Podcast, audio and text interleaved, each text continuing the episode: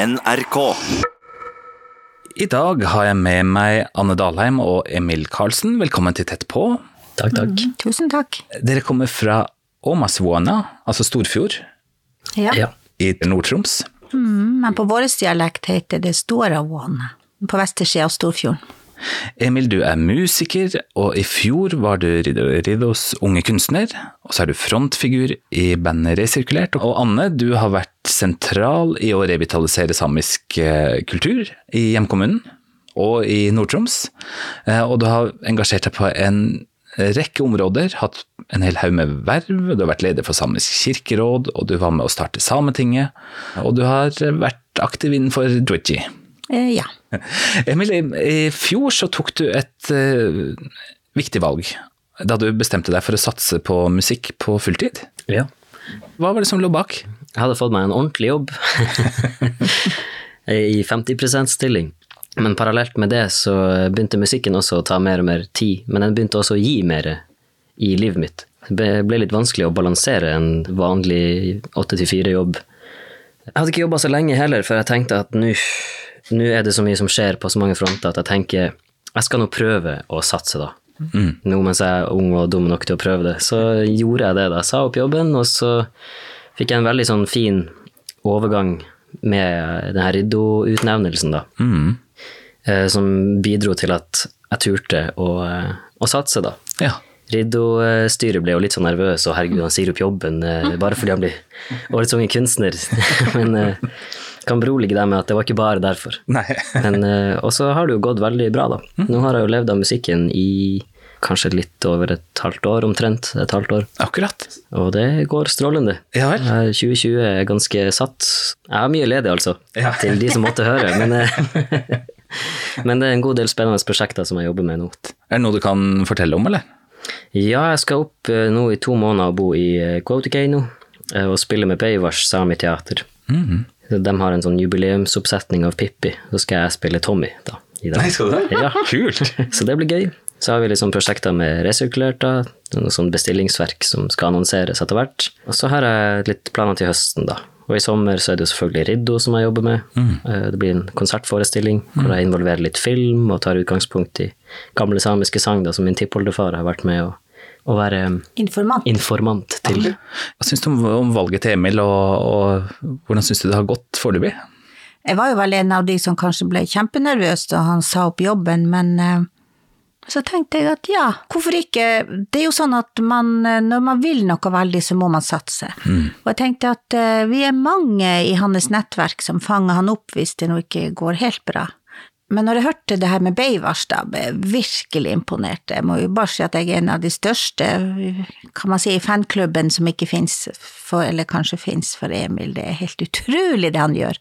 Og det han gjør for det samiske folket, det er bare så bra. Ja. Takk. Tusen takk. Hva er det han gjør for det samiske folket, da? Nei, å være så synlig. Både med språk, med, med musikken, med kunsten, med alle de tingene. Du vet bestandig at det er en samisk kunstner. Det være en tydelig og god representant for samisk kultur. Hvor viktig har det vært eh, i området deres? Det trengs jo, for det har jo forsvunnet. Vi har jo hatt sterk fornorskning i, i Nord-Troms og Storfjord. Sterk fornorskning. Og i det området som vi, vi har levd, så var det jo sånn eh, at det finske var bedre enn det samiske. Og det opplever man vel ennå at det er. Så det er så viktig at man tar fram det sjøsamiske. Og jeg tror jo at den eneste redninga er faktisk, eller håpet er at de unge tar det. Jeg ser jo mine barnebarn som eh, på fire og seks år som fer rundt og synger på, på Emil sine sanger, resirkulert sine sanger, og det er så bra! Og de tror de kan joike. Nei, særlig det med joik, det har i hvert fall forsvunnet. Så jeg tenkte jo først da når jeg skulle gi ut en joik, at kanskje det er noen som blir å reagere at en sjøsame fer rundt og joiker. Men det har faktisk ikke vært noen sånn særlige reaksjoner på det, så det vil jeg jo tro da at det har vært gjort ganske så riktig og autentisk. Det var viktig for meg også. At når man først tar det tilbake, så, så skal man gjøre det ordentlig. Ja. Det løftet som nå skjer, jeg opplever at den samiske kulturen blomstrer mer i kystområdene nå. Eh, Og at jeg har vært så heldig å være en generasjon som har fått lov til å vært skåna for den største motgangen, da. Den neste generasjonen er mye friere enn hva vi var, for vi var så frukten av fornorskninga. Og det brakte vi nok videre til våre barn også. Og så kommer barnebarna er helt fri. Og det er så fantastisk å oppleve. Kan du hjelpe oss å forstå tidsbildet da, da du vokste opp? Ja, jeg vokste opp på 50-tallet, og da var jo fornorskningsgrepet fortsatt veldig sterkt. Eh, Den skolen jeg gikk på helt opp til 70-tallet fikk ekstratimer fordi at vi hadde dårlig språk. For mange hadde samisk som eh, hjemmespråk. Og besteforeldrene snakka samisk, og gamle slektninger. Og vi hadde jo en lærer på den skolen vi gikk som, som kom fra Vestlandet. Og eh, vi hadde for eksempel en som gikk i min klasse, som hadde samisk språkbakgrunn, som han da kalte for en øye. Fordi at i samisk har du jo ikke en ei og ett, og han hadde ikke det.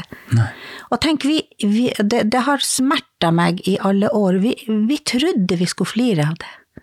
Tenk, vi gjorde det. Men vi visste ikke bedre. Og jeg snakka akkurat i går òg med en gammel dame på 92 år, og hun var så opprørt, for hun sa nei. For da var det om hun kunne snakke samisk, var det noen som spurte. Ja, det kunne hun. Men så sa hun vi fikk jo ikke lov å snakke samisk. Vi skulle ikke snakke samisk, og derfor har ikke hun lært ungene sine samisk. Bestefar fortalte jo også eh, De hadde jo komaga når de var liten, og den, faren hans styrte og sydde komaga sjøl. Men når han skulle begynne på skolen, så gikk de til innkjøp da, av eh, gummistøvler, eller skinnstøvler.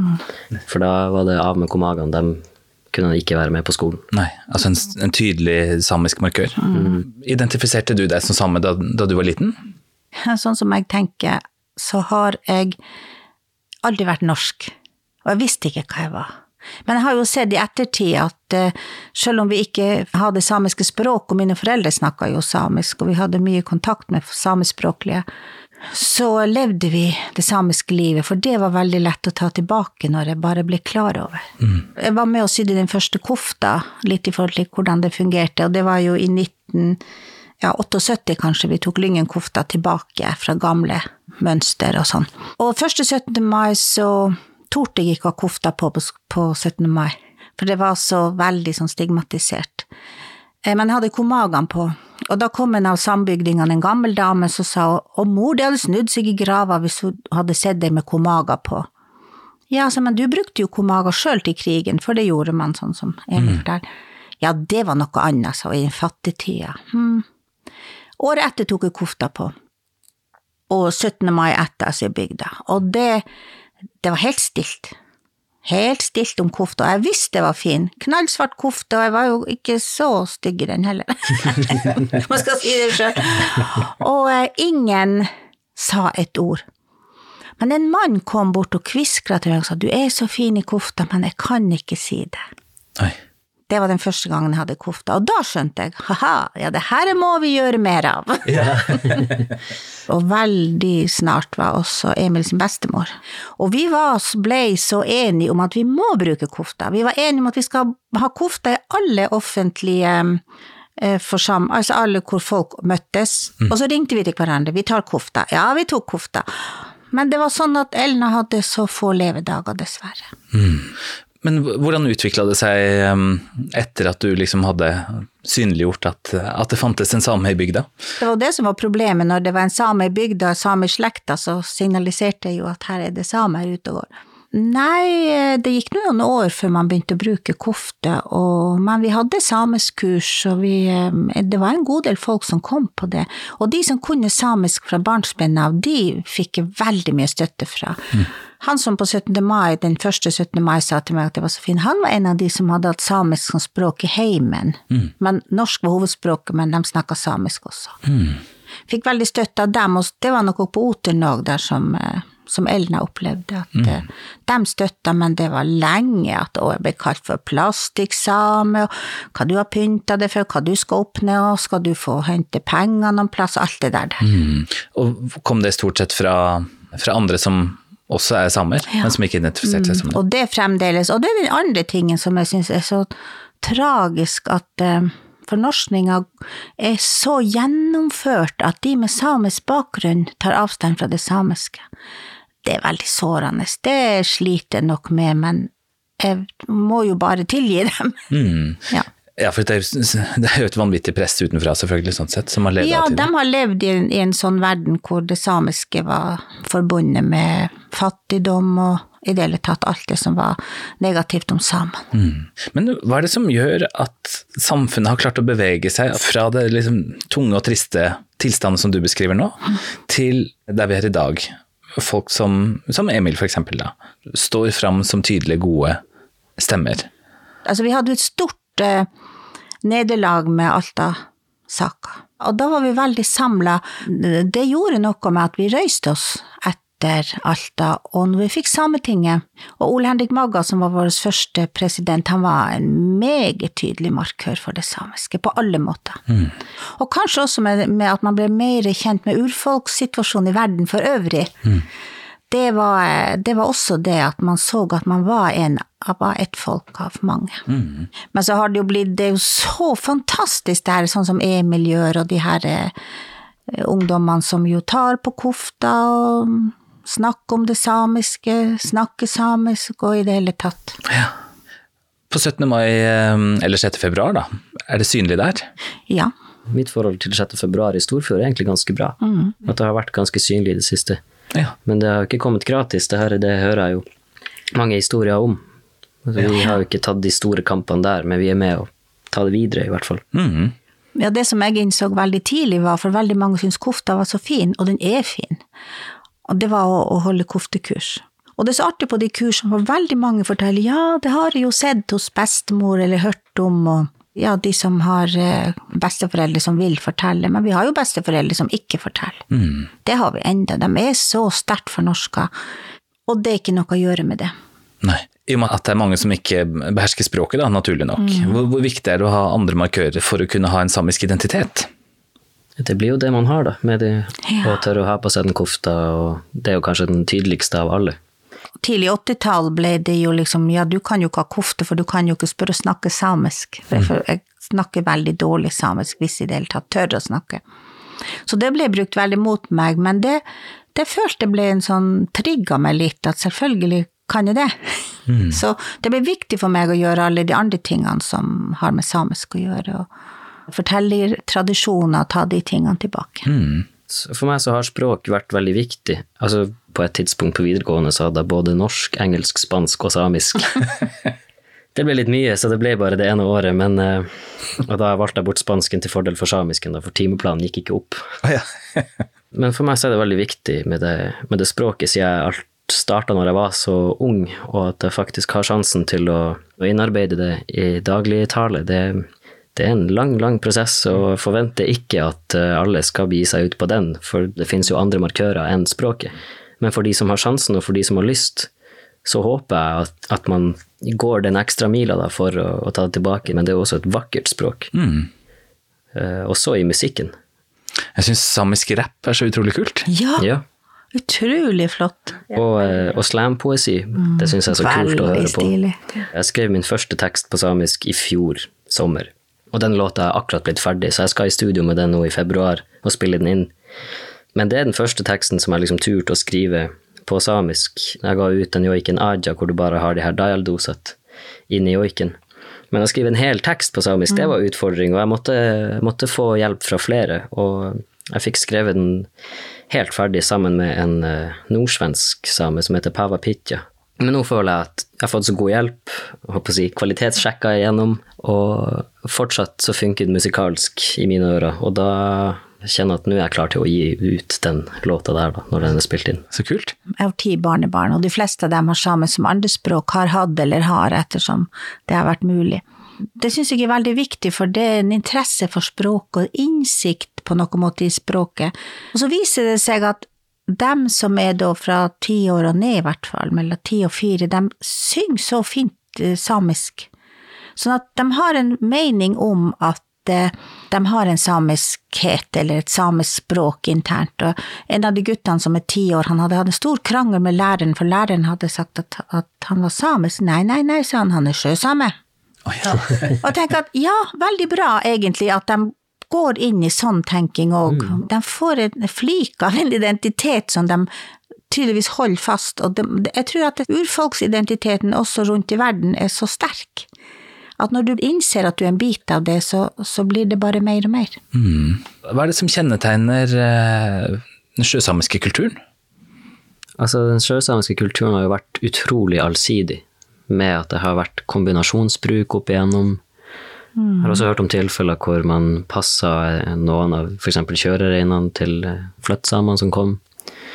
Men sjøsamene hadde jo fjorden og fiske og det her småbruket og jakt som Og vi har det med folketru og veldig mange skikker som man har i Indre Finnmark. Det har vi hos oss òg, som har gått mellom folk. Og Det med folketro, det syns jeg er så spennende. Står det sterkt? Nå var det nylig en ung person i vår bygd som ble veldig syk. Så ringte jo jeg da til familien og spurte har dere snakka med, en, eh, en som leser, som vi sier, som helbreder med bønn. Ja, det hadde de, hadde vært i kontakt med flere. Det er helt vanlig hos oss. Og de sier til og med på sykehuset har de navn på lesere som blir kontakta. Og um, ett er jo det at det nok kan hjelpe til med helbred, men det har jo en sånn psykologisk virkning. Man blir så veldig rolig og tror på det. Det er nå en ting, men vi har drømmetydning, og vi har masse tegn som vi kan se, for eksempel hvis en fugl flyr på vinduet, som de jo gjør. Vi bor, jeg bor jo helt i skogen, og så der brekker nakken. Mm, det kan være et tegn, men det er ikke bestandig et tegn. Men det setter oss i en um, sånn forberedelsestilstand, kanskje. Veldig mange sånne ting. Og spesielt det med drømmetyding, der er vi jo veldig sterke. Ja. Ja, akkurat det der med å ha flere i bygda som kan litt mer, det står faktisk ennå ganske sterkt. Det er flere som gjerne kan si Og det er flere gjerne som har noen som de ser kan litt mer, men som kanskje ikke vet det ennå, og litt sånne ting. Syns jeg er så spennende å høre om. Og så er det sånn at jeg vil ikke si til deg at jeg kan det jeg kan, men jeg er jo en del av en gammel kvinnekultur, så jeg har jo lært en del fra mine formødre. Jeg vil ikke si at ja, jeg kan det, men jeg kan si til Emil at eh, ja, du kan fære til Nils hvis du må stoppe blod, for han kan. Altså, jeg kan si noe som kan. Jeg kan ikke si at jeg kan. Nei, nettopp. Man Og- snakker ikke så mye Nei, om, man snakker ikke om det, og, men hvis han spør ja, men kan ikke du det, og jeg kan, så vil jeg gjøre det. Men jeg vil aldri si hva jeg kan. Og da jeg vokste opp, så hadde jo alle, spesielt kvinnfolkene i bygda vår, hadde forskjellige ting. Noen kunne ta betennelse, spesielt brystbetennelse var jo kvinnfolkene mye plaga med. Noen kunne ta betennelse i øyet, og noen kunne ta på dyr veldig mye. Min mor var veldig flink med urter på sauer, for eksempel. Ja sånn den var. Og jeg hadde en gammel dame i bygda som fikk betennelse i øyet på en kattunge en gang, og så gikk jeg til henne og sa nå, ja, jeg vet du kan ta betennelse på dyr, holdt på å flire i hun har ikke gjort det på 50 år, sa hun tror ikke hun kan det. Men det var jo det her med at det var langt til lege, og det var langt til, i hvert fall sykehus. Og de kunne jo veldig mye av sånne småtterier. Men klarte du å ta betennelsen, da? Katta ble nå frisk, men hvem som tok den, det vet nok jeg. og det er i vår kultur at du har bønnehjelp, men aldri bare bønnehjelp. Du skal gå til lege, og det var jo veldig Altså, Emil sin bestemor Elna døde med kreft. Og det var altså så stor bønnehjelp at jeg nesten tror hun trodde det sjøl, at hun levde minst ett år, for hun hadde en veldig vanskelig form for kreft. Men hun levde jo i hele fire år med en ganske aggressiv kreft som er mye lengre enn Ja, de og det var stor bønnehjelp der, og hun mente det sjøl, og det tror jeg kanskje var rett at det var det. Hvordan utarter det seg? Bønnehjelp? Ja, hvis jeg ringer til deg og sier at Ellen er syk, og nå, nå må vi be for henne, så ber vi. For eksempel hvis et barn har eksamen, så ringer jeg og sier til mine barn i dag har Per vanskelig dag, tenk på han. Og tenker også og sukker jo en bønn. Så gjør vi det. De som er mer beleste i Bibelen enn jeg, sier jo at også Gud hører også det minste sukk.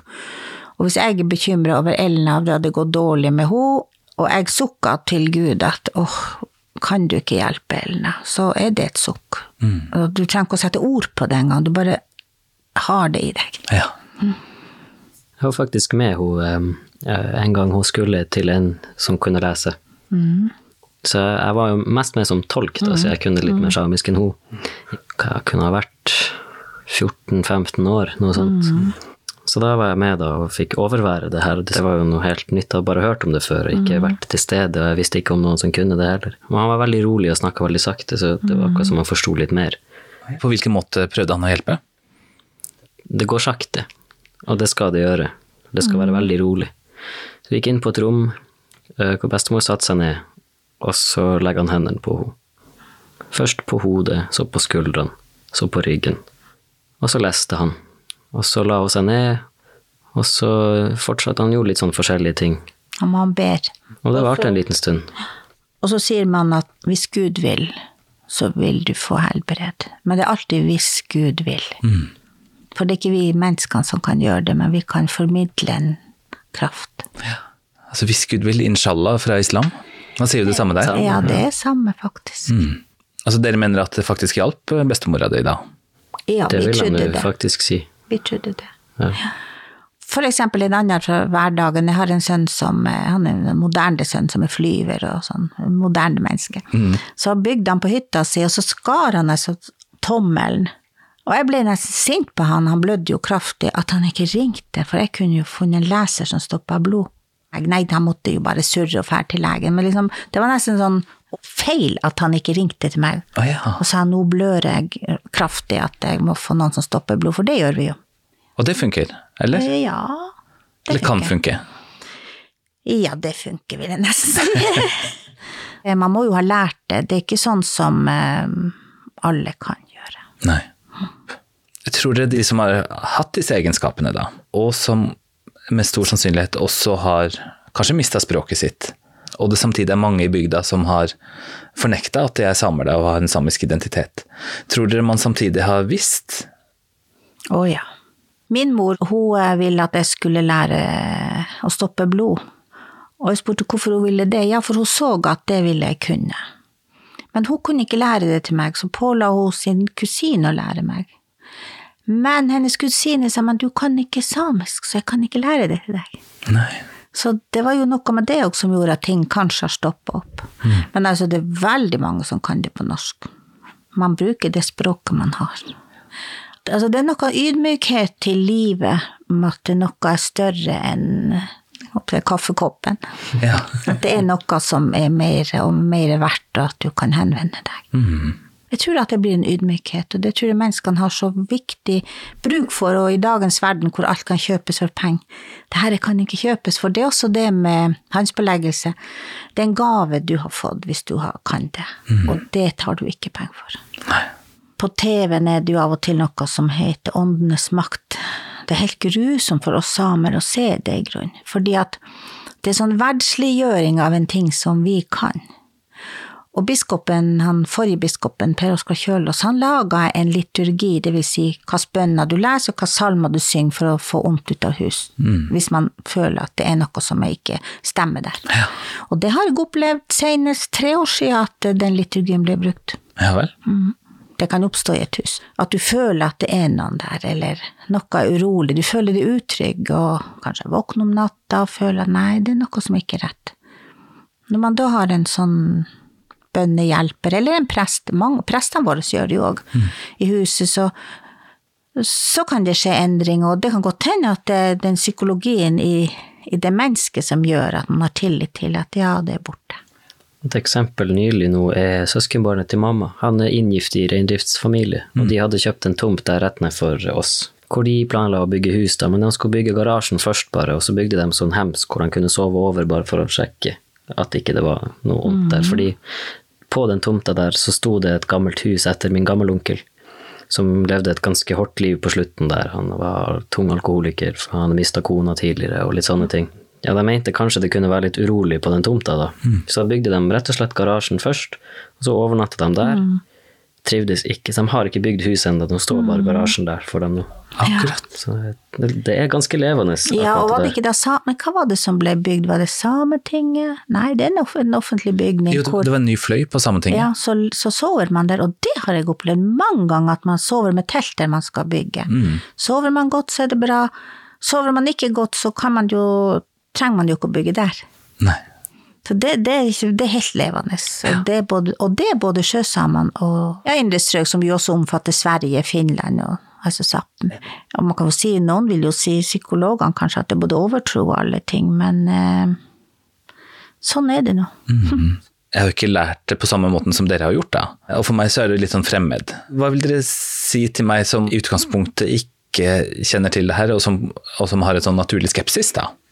Ja, vi møter jo mange med skepsis, eh, det gjør vi jo. Eh, Den siste gangen som jeg vet om en predikant som var og ba i et hus, var jo akkurat i denne byen, Tromsøbyen. Det er ikke sånn at jeg skal overbevise deg, hvis du er skeptisk, så er du det, og så tenker jeg at ja, nei, jeg kan si at sånn er det for oss. Ja. Vil du prøve det, så vil du prøve det, vil du ikke prøve det, nei, så det, gjør du ikke det. Vi går, jeg, kjenner ikke noen som går inn i stor krig om sånne ting. Nei, jeg tenker at hvis det er meninga at du skal tro på det, så får du en eller annen opplevelse med det. For det kommer alltid sånne små drypp som ikke mm, Du får nok neppe noen aha-opplevelse, vil jeg tro, men det er sånne små ting i hverdagen som man kanskje ellers ikke ville tenkt over. Mm. tenker Når man sjøl får de små opplevelsene her og der, så vil man kanskje Tja, jeg vet ikke, tenke at det var noe ekstra her i verden. Så jeg tenker at hvis det er meninga, så, så blir det sånn. Og det har jo overlevd, uten at det har vært en, en lue som har vært tredd over hodet.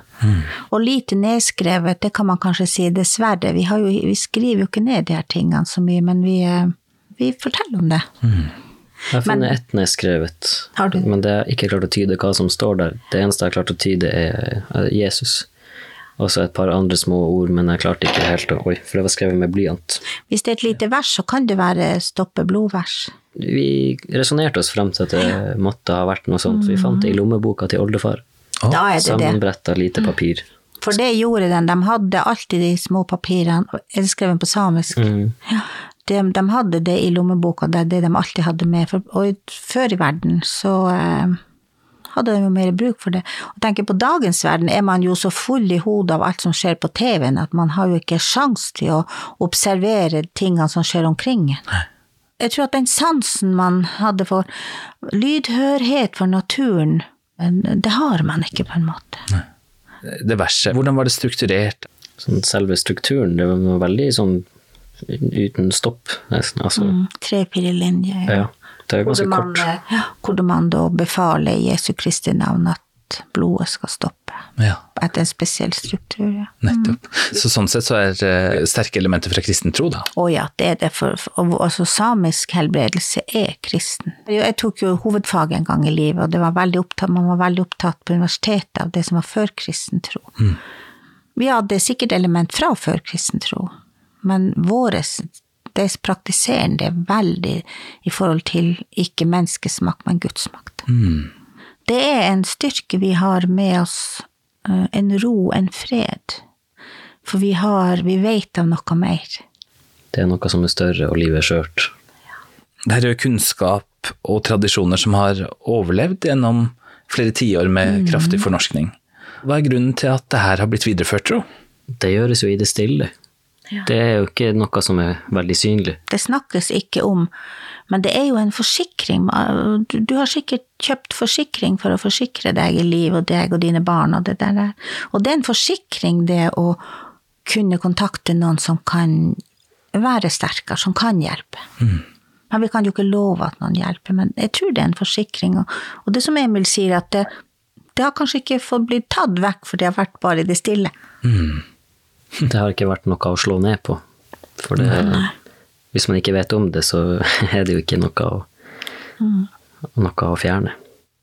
Anne Dalheim og Emil Karlsen, tusen takk for at dere var med i Tett på. Sjøl takk. Og lykke til videre i karrieren. Det blir superspennende å følge med. Hvis jeg kommer på Beivars. Ja, gjør det. Jeg heter Svein Lian. Tett på fra NRK Sápmi er produsert av 1 til 1 Media.